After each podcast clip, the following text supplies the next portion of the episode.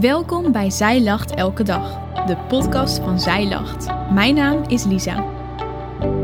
Dit is de overdenking van 11 augustus, geschreven door oudschrijfster Renske Tijhoff. Men zegt dat gastvrijheid een klein huis groot doet lijken. Ik denk dat deze tegeltjeswijsheid absoluut klopt. Het internet geeft verschillende definities voor het woord gastvrijheid. Het gebruik gastvrij te zijn of het gastvrij handelen zelf. De wijze waarop je mensen thuis ontvangt, gulheid in het onthalen van gasten, warmte, hartelijkheid. Vooral die laatste woorden, gulheid, warmte en hartelijkheid vind ik mooi. Prachtige karaktereigenschappen om te hebben, om naar te streven. Eigenschappen die passen bij een christen. Wat zegt de Bijbel eigenlijk over gastvrij zijn? Nederlanders staan erom bekend niet zo gastvrij te zijn.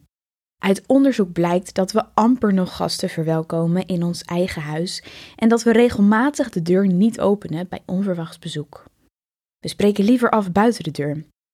Maar wacht even, wel eerst even in de agenda kijken. Ik denk dat ik over drie weken wel kan. In andere landen is dat heel anders. Zo ook in Israël, zowel in de tijd van het Oude Testament als in de tijd van het Nieuwe Testament. Verplicht gastvrij zijn. Verplicht, ja echt.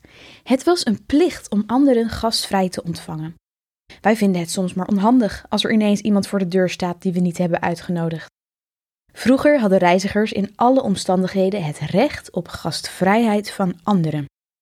Iemand weigeren die voor de deur staat, dat mocht echt niet.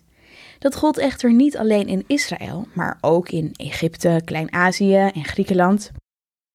De reden, of eigenlijk één van de redenen daarvoor, lezen we in Hebreeën. In hoofdstuk 13, vers 1 staat: Broeders en zusters, houd altijd van elkaar. Vergeet niet om gastvrij te zijn, want sommige mensen hebben engelen op bezoek gehad zonder dat ze het wisten. Hoe gastvrij zijn we? Wij nodigen mensen uit voor een kop koffie of een drankje.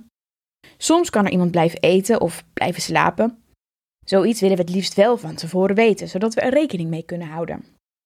Dat vinden we vaak al heel gastvrij van onszelf. Als ik in de Bijbel lees, besef ik me dat onze gastvrijheid soms een beetje in het niet valt.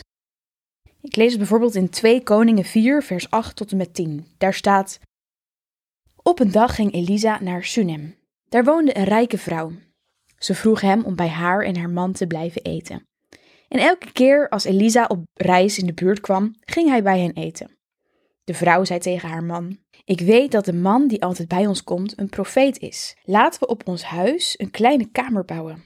Dan zetten we daar voor hem een bed, een tafel, een stoel en een olielamp neer. Als hij dan bij ons komt, kan hij die kamer gebruiken. Natuurlijk kunnen we niet alles vergelijken. Er staat dat er in Sunem een rijke vrouw woonde. Ze kon het zich makkelijk veroorloven om een extra kamer te bouwen, om gastvrij te zijn. Toch gaat het niet om de grootte van onze gebaren. Het gaat om de intentie. Het gaat erom dat we gastvrij willen zijn. In zijn tijd op aarde heeft Jezus het ook over gastvrijheid gehad. Bijvoorbeeld naar aanleiding van een vraag van de discipelen. Hij zet een totaal ongepaste vraag om in een les over gastvrij zijn. We lezen het in Lucas 9, vers 46 tot en met 48. De leerlingen vroegen zich af wie van hen het belangrijkste was. Maar Jezus wist wat ze dachten. Daarom nam hij een kind, zette dat naast zich neer en zei tegen hen: Als je gastvrij bent voor een kind, omdat je mij gelooft, ben je eigenlijk gastvrij voor mij. En als je gastvrij bent voor mij, ben je ook gastvrij voor Hem die mij gestuurd heeft. Want als je jezelf onbelangrijk vindt en een ander dient, ben je het belangrijkst.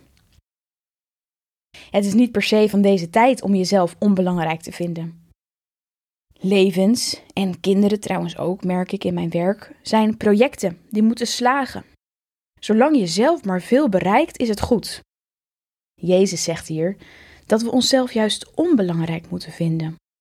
Natuurlijk betekent dat niet dat we niet goed voor onszelf moeten zorgen of dat we helemaal geen ambities meer mogen hebben.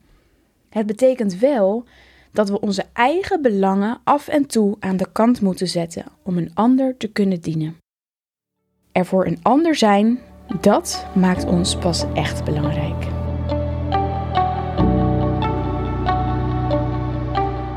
Dankjewel dat je hebt geluisterd naar de overdenking van vandaag. Wil je de overdenking nog eens nalezen? Check dan onze website. Je vindt daar ook nog meer toffe dingen die jou helpen om de Bijbel vaker te openen. Zoals boeken, bijbels, cursussen en evenementen. Morgen ben ik weer bij je terug met een nieuwe overdenking. Tot dan!